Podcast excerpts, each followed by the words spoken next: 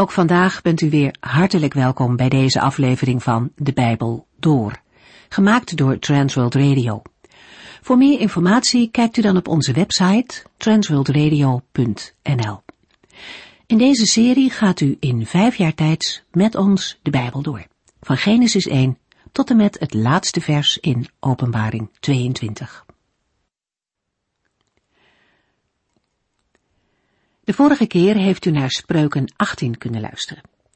In de eerste helft kwamen we allerlei spreuken tegen over de taal en het niet-sociale gedrag van de dwazen.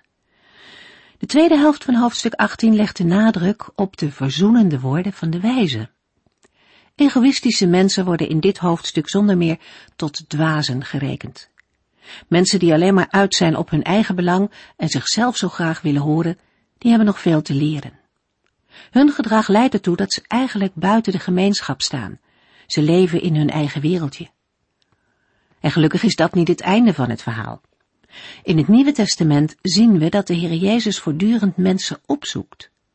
Ook de tollenaar Zacchaeus bijvoorbeeld, die zich in eerste instantie alleen maar verrijkte ten koste van anderen. Als Jezus komt, is er voor Zacchaeus geen plaats om tussen de mensen te staan, en hij zit eenzaam in een boom. Maar Jezus ziet hem toch zitten. Hij zoekt Zacchaeus op en na die ontmoeting verandert het leven van Zacchaeus totaal. Hij wil niet langer rijk worden ten koste van anderen. Voortaan deelt hij zijn rijkdom. En van een eenzame rijke wordt hij een gelukkige deler. Wat een geluk dat Jezus zich niet beperkte tot veroordelend spreken over Zacchaeus, maar dat hij naar hem toe ging. Wat een uitdaging ook voor ons, om de liefde van Jezus te delen met mensen, ja, ook met mensen die we niet zo sympathiek vinden, want dat kan soms best lastig zijn. Later in dit hoofdstuk komt opnieuw de bedriegelijke zekerheid van het geld naar voren. Ja, iemand kan denken dat hij veilig is met veel geld, maar rijkdom biedt slechts schijnzekerheid. Te midden van alle gevaren, van alle onzekerheid, biedt alleen de Heere echte vastheid en veiligheid. Wie zijn hulp bij God zoekt, zal niet beschaamd uitkomen. Daarmee is niet gezegd dat het leven dan altijd maar makkelijk zal gaan. Het verschil zit hem erin dat de Heere zelf, ook in moeilijkheden, ook in donkere dalen, met je meegaat. We lezen nu de spreuken uit hoofdstuk 19. In de vorige uitzending kwam spreuken 18 aan de orde. In deze uitzending willen we spreuken 19 gaan lezen en bespreken. Daarbij is het van belang ons te realiseren dat spreuken 18 vers 22 tot en met 19 vers 23 een gedeelte is dat ingaat op de onderwerpen welvaart en wijsheid in de rechtszaal en thuis. Het gedeelte bestaat uit drie delen die op complexe wijze met elkaar zijn verweven. Het eerste gedeelte wordt gevormd door spreuken 18 vers 22 tot en met 19 vers 7. Het gaat over armoede, welvaart en vrienden. Het tweede gedeelte, spreuken 19 vers 8 tot en met 15, handelt over wijsheid aan het hof en thuis. Het derde gedeelte, spreuken 19 vers 16 tot en met 23, bespreekt het bewijzen van vriendelijkheid aan arme mensen. Omdat het gedeelte begint met de laatste drie versen van spreuken 18, gaan we nog even terug naar spreuken 18 vers 22 tot en met 24. Spreuken 18 vers 22 stelt dat wie een goede vrouw vindt, het goed heeft getroffen en haar mag zien als een geschenk van de Heere. Vers 22 vormt een inleiding op een aantal spreuken over relaties en begint met de relatie tussen man en vrouw. In spreuken 5 tot en met 7 hebben we uitvoerig stilgestaan bij de overspelige vrouw en haar verleidingen. In spreuken 5 vers 15 tot en met 19 is aangegeven dat een man zijn eigen vrouw trouw moet blijven en zich verre moet houden van overspel. Een trouwe en goede echtgenote wordt in vers 22 als een geschenk van de Heer omschreven. De woorden in vers 22 vormen ook een voorbereiding op de afsluiting van het Bijbelboek Spreuken, waar in Spreuken 31 vers 10 tot en met 31 wordt gesproken over een goede en sterke vrouw. In Spreuken 18 vers 23 wordt ingegaan op de verstoorde relatie tussen armen en rijken. De arme roept om hulp, maar de rijke kent geen barmhartigheid. De spreuk functioneert als een waarschuwing voor hoogmoed. Een rijke kan in de verleiding komen om op zijn eigen veiligheid te vertrouwen. En dat is niet gericht op de eer van de Heere. Het gevolg van zo'n ik-gerichte houding is dat zijn naastenliefde verdwijnt en hij harde woorden gaat spreken. De volgende spreuk, in spreuken 18 vers 24, gaat in op de relatie met vrienden. Een man met veel vrienden kan zijn ongeluk tegemoet gaan. Maar er staat tegenover dat een echte vriend meer waard kan zijn dan een broer. Woorden die waarschuwen voor pseudo-vriendschappen en aanzetten tot het zoeken van echte vrienden. De eerste versen van Spreuken 19 gaan over onoprechte rijken. Een arme die oprecht leeft is beter dan een dwaas die vuile taal uitslaat. Met de dwaas die vuile taal uitslaat, wordt eenvoudig de rijke bedoeld, zonder hem direct en voluit te noemen. In het Bijbelboek Spreuken kwamen we al eerder de gelijkstelling tegen van arm en oprecht naast rijk en goddeloos, dwaas of boosdoener. Spreuken 19 vers 1 Een arme die zuiver leeft, is beter dan een dwaas die vuile taal uitslaat. Op andere plaatsen in spreuken is aangegeven dat rijkdom een gevolg is van een verstandige levenswijze. Maar daarmee is niet bedoeld dat iedere rijke moreel goed is. Het is ook mogelijk dat hij hoogmoedig is of op een verkeerde wijze aan zijn bezit is gekomen. Als een mens, die door de Heer is gezegend met materiële goederen, oneerlijk en dwaas is, verdient een arme die zuiver leeft de voorkeur. Een ontaard mens maakt gebruik van verkeerde taal. Hij spreekt op een manier die de waarheid verdraait. Teksten die eenzelfde strekking hebben zijn spreuken 15 vers 16 en 16 vers 8. Spreuken 28 vers 6 is bijna identiek aan de woorden van vers 1. Spreuken 19 vers 2 en 3. Als iemand graag iets wil ondernemen, maar het inzicht ervoor mist, leidt het tot niets. Wie niet uitkijkt waar hij loopt, zondigt maar al te snel. De dwaasheid van een mens zal hem opbreken, waarna hij de Heere de schuld ervan geeft. Vers 2 gaat in op het ongefundeerde verlangen van het dwaas om iets te ondernemen. Zelfs iets dat de mens graag wil is niet goed als ze niet gepaard gaat met verstand. Het is mogelijk enthousiast te zijn zonder voldoende kenmerken te hebben van de juiste kennis, die zichtbaar wordt in ontzag voor de Heere en liefde voor de naaste. Wie kenmerken van ware kennis laat zien, bezit een zekere rust, omdat hij leert dingen aan de Heere over te laten. Het tweede deel, wie niet uitkijkt waar hij loopt, zondigt maar al te snel, gaat in op een juiste houding en stelt dat wie niet uitkijkt waar hij loopt, snel een misstap maakt. Gehaast handelen verwijst in spreuken steeds naar een geforceerd handelen, zonder oog te hebben voor morele consequenties. Dit gebeurt vooral als iemand ten koste van alles rijk wil worden. De bittere consequentie van de eigenzinnige wandel van een dwaas komt in vers 3 naar voren. De dwaasheid van een mens zal hem opbreken. Zijn eigenzinnigheid heeft tot gevolg dat hij in zijn leven vastloopt. De grens wordt gesteld door de Heere, die het verkeerde vergeldt. In plaats van berouw te tonen ten opzichte van de Heere, is er vaak woede tegen hem door zich te richten tegen de Heere die alles bestuurt en zelfs ook bereid is de dwaas na berouw te vergeven, roept een dwaas het oordeel over zichzelf af. De laatste woorden van vers 3 zijn ook in onze tijd actueel. Heel wat mensen geven de Heere de schuld van de ellende in de wereld. Velen hebben de vraag gesteld, als God liefde is, Waarom is er dan zoveel ellende in de wereld? Maar luisteraar, is de Heere de schuld van de ellende in de wereld? God heeft bij de schepping gezegd dat alles heel goed was. Maar wie heeft het mooie werk van God dan kapot gemaakt? In Genesis 3 wordt door de Heere het antwoord gegeven. De zondeval van Adam en Eva.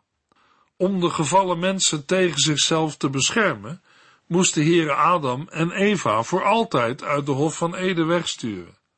In Genesis 3 vers 22 staat waarom. Als hij nu van de boom van het leven eet, zal hij ook nog voor altijd leven. Het zou betekenen dat als zij in gevallen toestand van de boom van het leven zouden eten, er geen verlossing meer mogelijk was. Maar de Heere beloofde in de hof van Ede al dat de Verlosser, de Heer Jezus Christus, zou komen. Hij heeft de kop van de slang verbrijzeld en het kwaad en de zonde overwonnen. Ieder die op hem vertrouwt is gered en heeft een plaats bij de Heer in de hemel. God is niet de schuld van alle ellende in de wereld. De Heer heeft juist de oplossing gegeven voor het probleem van de zonde. U moet het zo zien. De Heer is de architect van alles wat geschapen is. Hij heeft als het ware een prachtig bouwwerk ontworpen en gemaakt. Door de zondeval van Adam en Eva, zij hebben niet geluisterd naar de Heere, is het mooie bouwwerk van de Heere gebombardeerd. Het ligt in duigen. Het is een ruïne. Krijgt nu de architect, die het prachtige bouwwerk zo mooi heeft ontworpen en gemaakt, de schuld van het bombarderen van zijn eigen werk? Dat is de omgekeerde wereld en de grootste leugen die ooit is bedacht. Het tegendeel is waar, want God heeft zoveel liefde voor de wereld, dat Hij zijn enige zoon heeft gegeven, zodat ieder die in Hem gelooft niet verloren gaat, maar eeuwig leven heeft. Luisteraar, een mens kan zeggen, ik kan er niets aan doen dat Adam en Eva ongehoorzaam waren. Nu zitten wij opgescheept met het probleem van de zonde dat zij hebben veroorzaakt. Een mens zou dat kunnen zeggen, maar het raakt kant nog wel, want de Heere geeft in Jezus Christus de oplossing voor het probleem van de zonde. Geloof in de Heer Jezus Christus en u zult behouden worden. Als u zijn aanbod negeert of afwijst, is uw keuze net zo verkeerd als de keuze van Adam en Eva in de Hof van Eden. Dan is het niet Gods schuld dat u verloren gaat, maar heeft u zelf Gods oordeel over uw leven afgeroepen. Spreuken 19 vers 3 De dwaasheid van een mens zal hem opbreken, waarna hij de Heere de schuld daarvan geeft. Spreuken 19 vers 4 tot en met 7 Rijkdom bezorgt de mens veel vrienden maar een arme raakt vaak zelfs zijn laatste vriend kwijt. Een valse getuige blijft niet ongestraft. Een leugenaar zal zijn straf niet ontlopen. Velen richten hun smeekbeden aan het adres van een mild en vriendelijk mens, want iedereen is een vriend van hem die geschenken geeft. Als de broeders van een arme hem al snel de rug toekeren, hoe gemakkelijk zullen zijn vrienden hem dan in de steek laten. Hij loopt hen achterna en probeert met hen te praten, maar krijgt bij hen geen gehoor. De versen 4 tot en met 7 spreken over thema's als rijkdom en armoede en over vriendschap. De waarde van rijkdom komt naar voren in de spreuk dat rijkdom veel vrienden toevoegt. Maar er staat tegenover dat een arme vaak zijn laatste vriend kwijtraakt. De wijsheid van deze spreuk is een verslag van wat in het leven van elke dag is te zien. Wie geld heeft, krijgt vrienden, en van een arme keert de mens zich gemakkelijk af. De spreuk geeft een neutrale beschrijving en spreekt nog niet over de ik-gerichte motieven om contact met rijken te zoeken en om armen in het isolement te plaatsen. De spreuk in vers 5 gaat verder in op een arme die zuiver leeft van vers 1. Het in vers 1 verwoorde principe wordt hier toegepast op een rechtszaak. Een valse getuige blijft niet ongestraft en wie mijn eed pleegt zal niet ontkomen. Door tussenkomst van de Heere wordt ervoor gezorgd dat het onrecht niet het laatste woord heeft. Daarna wordt in vers 6 het thema van vers 4 voortgezet. Veel mensen proberen de gunst te verwerven van een mild en vriendelijk mens, en iedereen is de vriend van een mens die geschenken geeft. In vers 7 merkt Salomo op dat alle broers van een arme hem haten. Als de situatie van een arme al zo ernstig is voor zijn familieleden, is het nog erger als het om zijn vrienden gaat. Ook zij zullen hem in de steek laten. Zelfs pogingen om met zijn vrienden te praten en hulpgeroep helpen niet. Wat in vers 4b al werd gezegd met de woorden een arme raakt vaak zelfs zijn laatste vriend kwijt, wordt in vers 7 werkelijkheid. Vers 7 bevestigt de kwetsbare positie van een arme of behoeftige. Spreuken 19 vers 8. Wie verstandig wil worden, heeft het goede met zichzelf voor. Hij gebruikt zijn verstand om het goede te vinden. Vers 8 begint met een inleidende zin. De gerichtheid op wijsheidsonderwijs is ook in eigen voordeel. Het liefhebben van eigen leven geldt als zeer krachtig. Dat blijkt uit 1 Samuel 20 vers 17, waarvan Jonathan wordt gezegd dat hij David evenveel lief had als zijn eigen leven. Hij legde daarom een eed af om zijn vriend te beschermen. De volgende vier versen handelen over het publieke domein. Het onderwijs begint met de bestraffing van mijn eed en eindigt met de woede van de koning.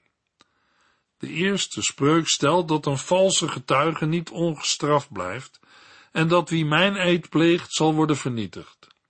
De spreuk is een herhaling van vers 5 en geeft aan dat de Heere als heerser en rechter van de wereld geen onrecht toestaat.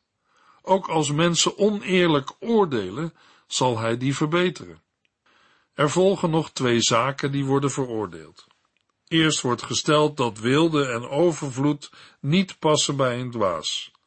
Des te erger is het als een dienaar of slaaf over koningen heerst.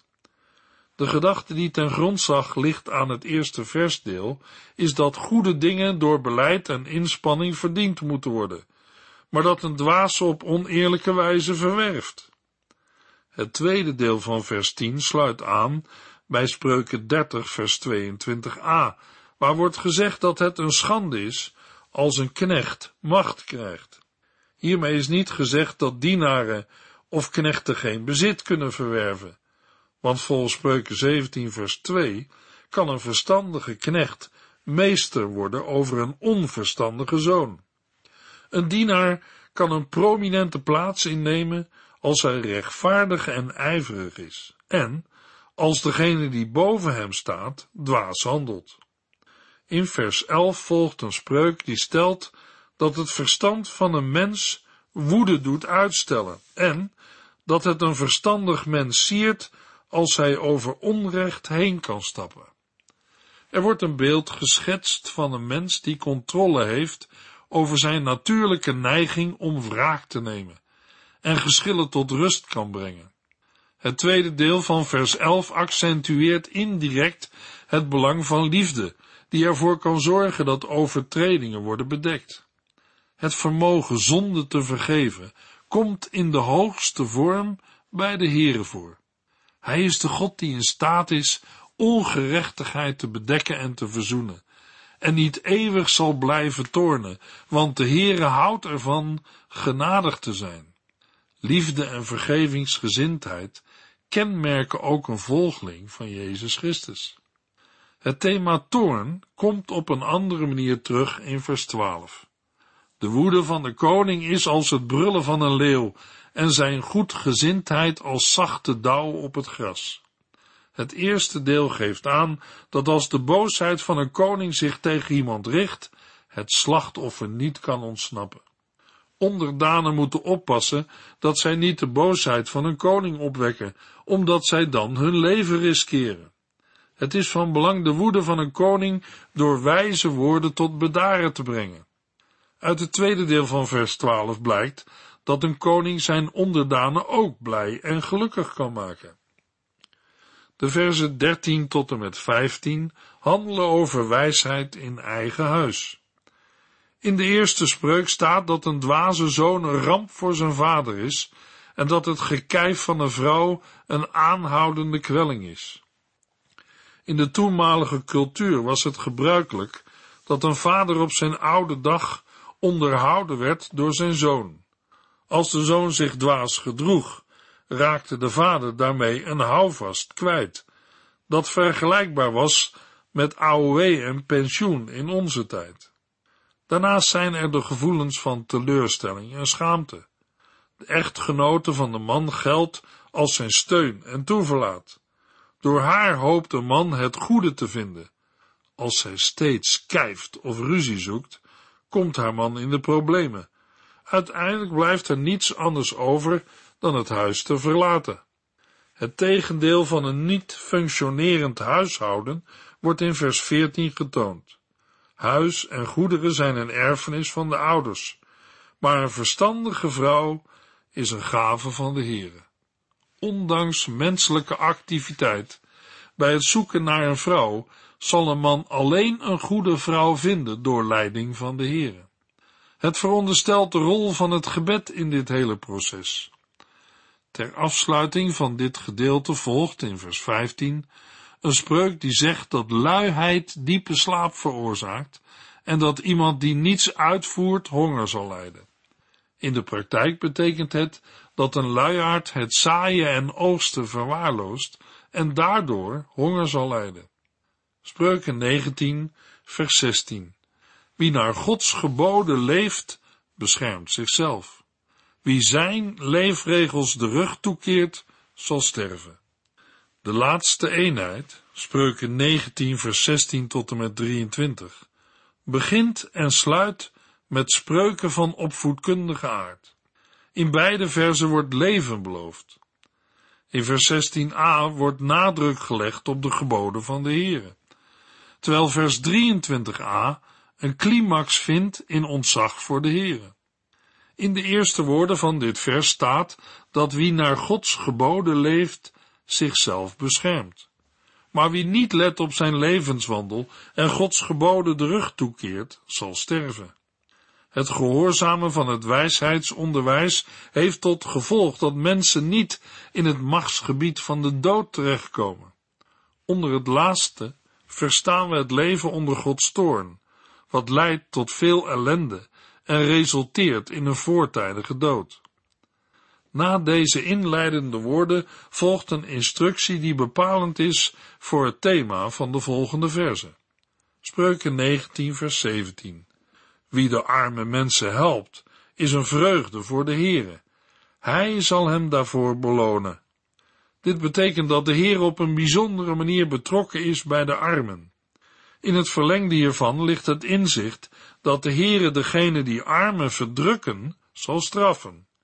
Spreuken 19, vers 18 en 19.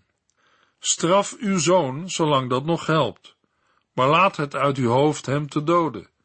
Iemand die onbeheerst is, zal zelfs zijn straf moeten dragen. Probeert u hem te helpen, dan wordt het alleen maar erger. Na een algemene regel in vers 17 volgen er nu twee versen waarin een opdracht aan vaders wordt beschreven. Laat de vader zijn zoon tuchtigen of straffen, zolang het nog helpt. Maar er wordt wel een beperking aangebracht. Een vader mag niet de opzet hebben zijn zoon te doden. Vaders en moeders, ouders, moeten corrigerend en sturend optreden. In vers 19 wordt gesteld dat wie zich in zijn woede laat gaan, zijn straf zelf moet dragen. Mensen die geen controle over hun drift hebben, zullen zichzelf steeds opnieuw in de problemen brengen. Hoe vaak een ander hem ook helpt, het zal zijn karakter niet veranderen. Er is geen correctie meer mogelijk, terwijl dat bij de zoon in het vorige vers nog wel het geval was. Spreuken 19 vers 20 en 21. Luister naar raad en berisping, zodat u uiteindelijk toch verstandig wordt. In het hart van een mens leven veel verborgen gedachten, maar wat de Heere besluit, gebeurt.